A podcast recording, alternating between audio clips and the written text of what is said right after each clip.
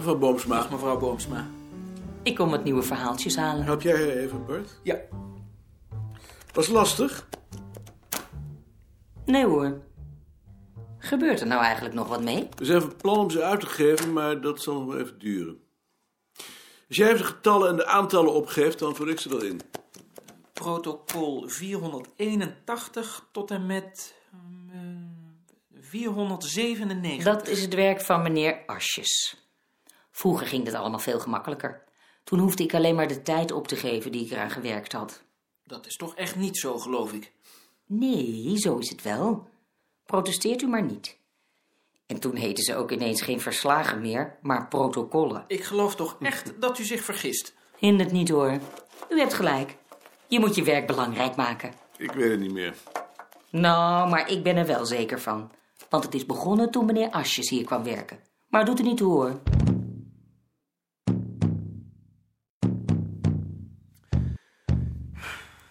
Wat waren dat voor gruwelverhalen over jou? Zo gaat het nou altijd. Ik heb de naam. En dat komt omdat jij me toen hebt opgedragen om de werkuren te noteren. En in plaats van dat je dat rechtzet, zit je er met een slap lachje bij. Ik kan me zo gauw niet herinneren hoe het gegaan was. Nou, ik herinner het me heel goed. Maar het kan me ook eigenlijk niet schelen. Het is voor haar rekening. Het irriteert me alleen dat ze het altijd over die verhaaltjes heeft.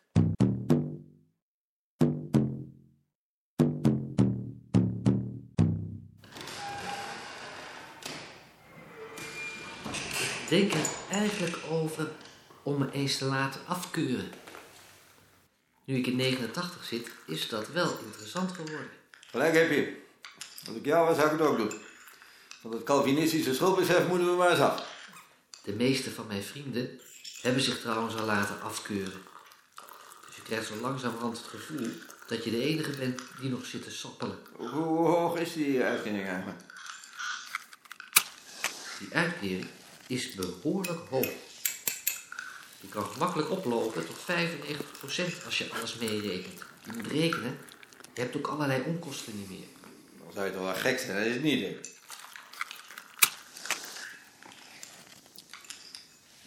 Een vriend van mij, bijvoorbeeld, die heeft zich gek laten verklaren. Dat is geen enkel probleem.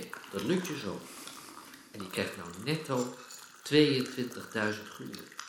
Heeft een boerderijtje gekocht in Friesland. En verbouwt zijn eigen groenten en aardappelen. En verder ligt hij de hele dag in de zon. Tel uit je winst. Zo kun je het wel stellen.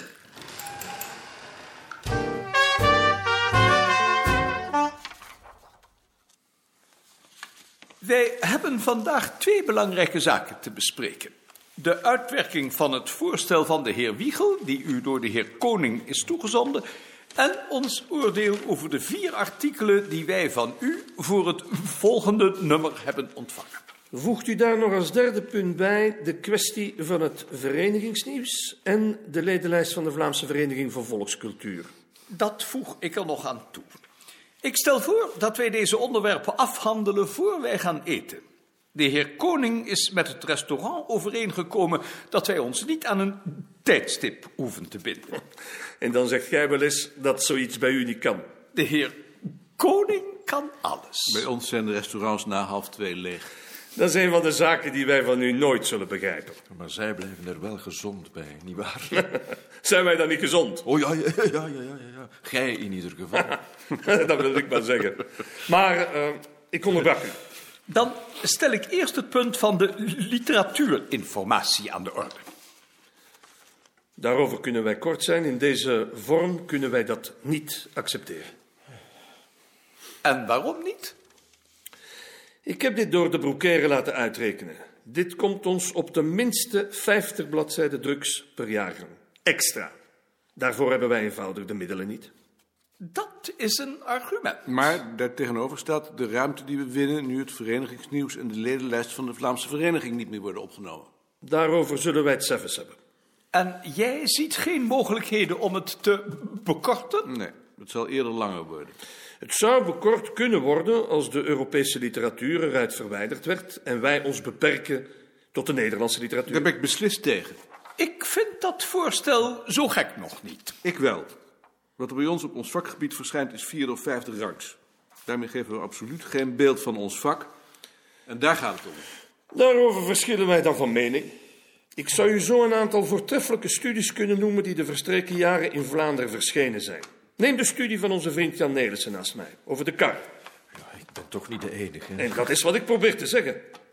Maar die werden toch al besproken. Dan stel ik voor dat we het daarbij laten.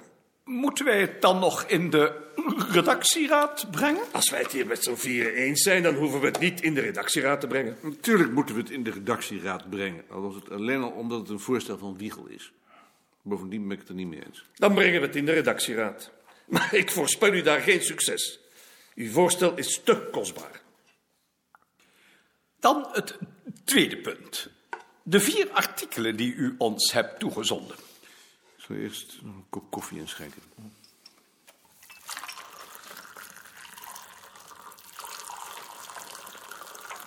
Ik moet u bekennen dat ik hier tegenop heb gezien. Ik verwacht van u een rond oordeel. Daarover zijn we hier bij elkaar. Daarom juist. De heer Koning en ik hebben ze met aandacht gelezen. En om u de waarheid te zeggen, wij vinden ze beneden de maat van ons tijdschrift. Drie van de vier zijn scripties, heel goede scripties. Van stuk voor stuk begaafde studenten. Maar het zijn naar ons oordeel geen artikelen. Op dat punt verschillen wij dan van mening. Een scriptie is voor mij pas goed als het het niveau van een artikel heeft. Anders is het geen scriptie. En dit zijn vier van mijn beste studenten. Daarvan zijn wij overtuigd.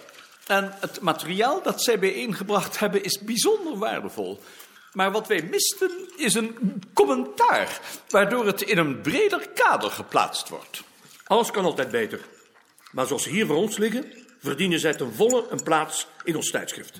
En wat het vierde artikel betreft, daartegen hebben wij het bezwaar dat het op de laatste alinea na uit de tekst van een artikel van u bestaat, dat wij al eerder gepubliceerd hebben. Ook dat kan waardevol zijn. De tekst verdiende het om nog eens onder de aandacht gebracht te worden. Dat ben ik met u eens, maar dan onder uw naam. En nu? Wat is uw conclusie? Ons past geen conclusie, aangezien het hier bijdrage van Vlaamse auteurs betreft. Wij geven u slechts ons oordeel. U mag daarmee doen wat u goeddunkt. Dan zullen onze vriend Nelissen en ik ons daarover beraden. Maar ik verwacht niet dat wij in deze uw oordeel de doorslag zullen laten geven. Daar zullen wij u niet hard omvallen. En dan nu het derde punt. Het verenigingsnieuws en de ledenlijst van de Vlaamse Vereniging. Ik heb u gevraagd dat punt op de agenda te plaatsen, omdat wij wensen terug te komen op onze afspraak de stukken van de vereniging buiten het tijdschrift te houden. We hebben dit besluit voorgelegd aan ons bestuur en daar was men unaniem van oordeel dat een tijdschrift dat voor een aanzienlijk deel bekostigd wordt uit de lidmaatschapsgelden van de vereniging, ook als orgaan van de vereniging beschouwd dient te worden en bijgevolg de officiële stukken dient op te nemen. Maar het bestuur, dat bent u. Ik ben de voorzitter. Naast mij hebben nog vier andere zittingen in het bestuur en niemand van ons vermocht in te zien waarom het opnemen van de namen van onze Vlaamse vrienden afbreuk zou doen aan de standing van ons tijdschrift. Heb jij daar bezwaar tegen? Ja, natuurlijk heb ik daar bezwaar tegen. Daar hebben we er allemaal bezwaar tegen. Als het zo duidelijk het karakter van een verenigingsorgaan heeft, dan stoot dat de Nederlandse abonnees af. En hoeveel Nederlandse abonnees zijn er dan wel? 80. En daar staan dan ruim 300 Vlaamse abonnees tegenover. U kunt mij niet uitleggen dat dat geen verplichting schept. Ja, de verplichting om het een duidelijker Nederlands karakter te geven. Dat ook de Nederlandse lezers aanspreekt. Daarin zult u dan mij op uw weg vinden. Zolang ik redacteur ben, zal ons tijdschrift een Vlaams tijdschrift zijn. Met een Vlaams signatuur. In dat geval zullen de Nederlandse redacteuren met genoegen hun plaatsen inruimen voor twee Vlaamse redacteuren. Geen enkel bezwaar voor u en ander. Uitstekend, dan zijn we uitgepraat. Maar we kunnen op dit punt toch wel wat water in de wijn doen. Zo belangrijk is dat toch niet om daarvoor de banden met Vlaanderen door te snijden? Nou, dat vind ik wel belangrijk. En ik zie ook absoluut niet in wat voor bezwaar er tegen is om die mededeling in de ledenlijst in een los katern toe te voegen. Omdat onze Vlaamse abonnees eraan hechten om hun naam in hun eigen tijdschrift vermeld te zien. Is dat zo verwerpelijk? Ik vermag dat niet in te zien. Maar toch begrijp ik dat niet. Dat hoeft u ook niet te begrijpen. Jij zit daar misschien anders in. Maar ik heb rekening te houden met de gevoelens van mijn Vlaamse vrienden. Gij zou die moeten ontzien. Ik ben dat met u eens. Het gaat niet aan om voor zo'n kleinigheid onze jarenlange vriendschap te verbreken. Mag ik daaruit besluiten dat wij bij meerderheid en derhalve langs democratische weg besloten hebben om de betreffende stukken ook voortaan in ons tijdschrift af te drukken? Dat mag u besluiten.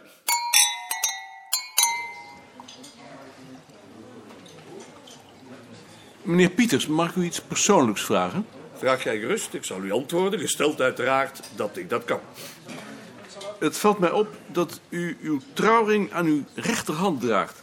Bij ons dragen katholieken de trouwring links. Dat is een zeer interessante vraag die u daar stelt. Ik kan u daar zelfs op antwoorden, maar eerst dit.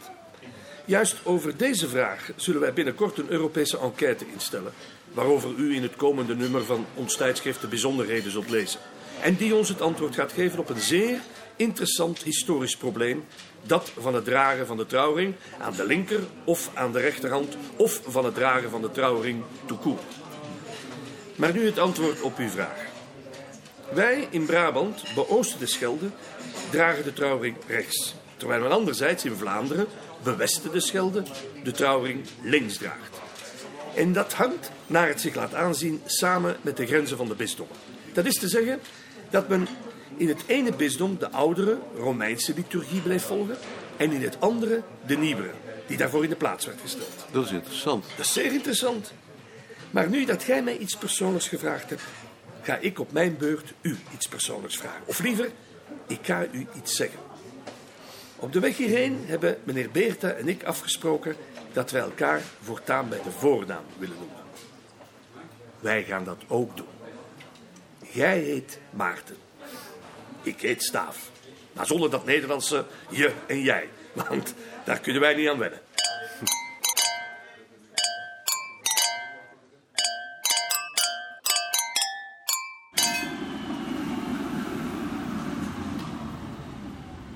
Dan zullen wij elkaar maar Maarten en Jan noemen.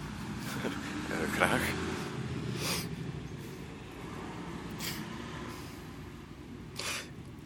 Het niet lastig om met Pieters samen te werken? Dat kan soms een probleem zijn. Waar ben jij op het ogenblik mee bezig? Met een studie van de kruiwagen. Ter voortzetting van mijn studie over de kar. En u? Met de dorsvlegel en de zeis voor de Europese atlas. En nu ook met de trouwring voor een symposium. Dat lijkt me heel interessant.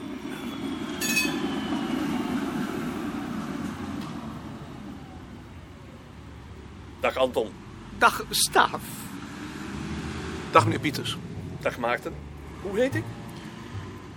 Dag Staaf. Juist. Zo wil ik het horen. Dag Jan. Eh, dag Maarten. Dag meneer Beerta.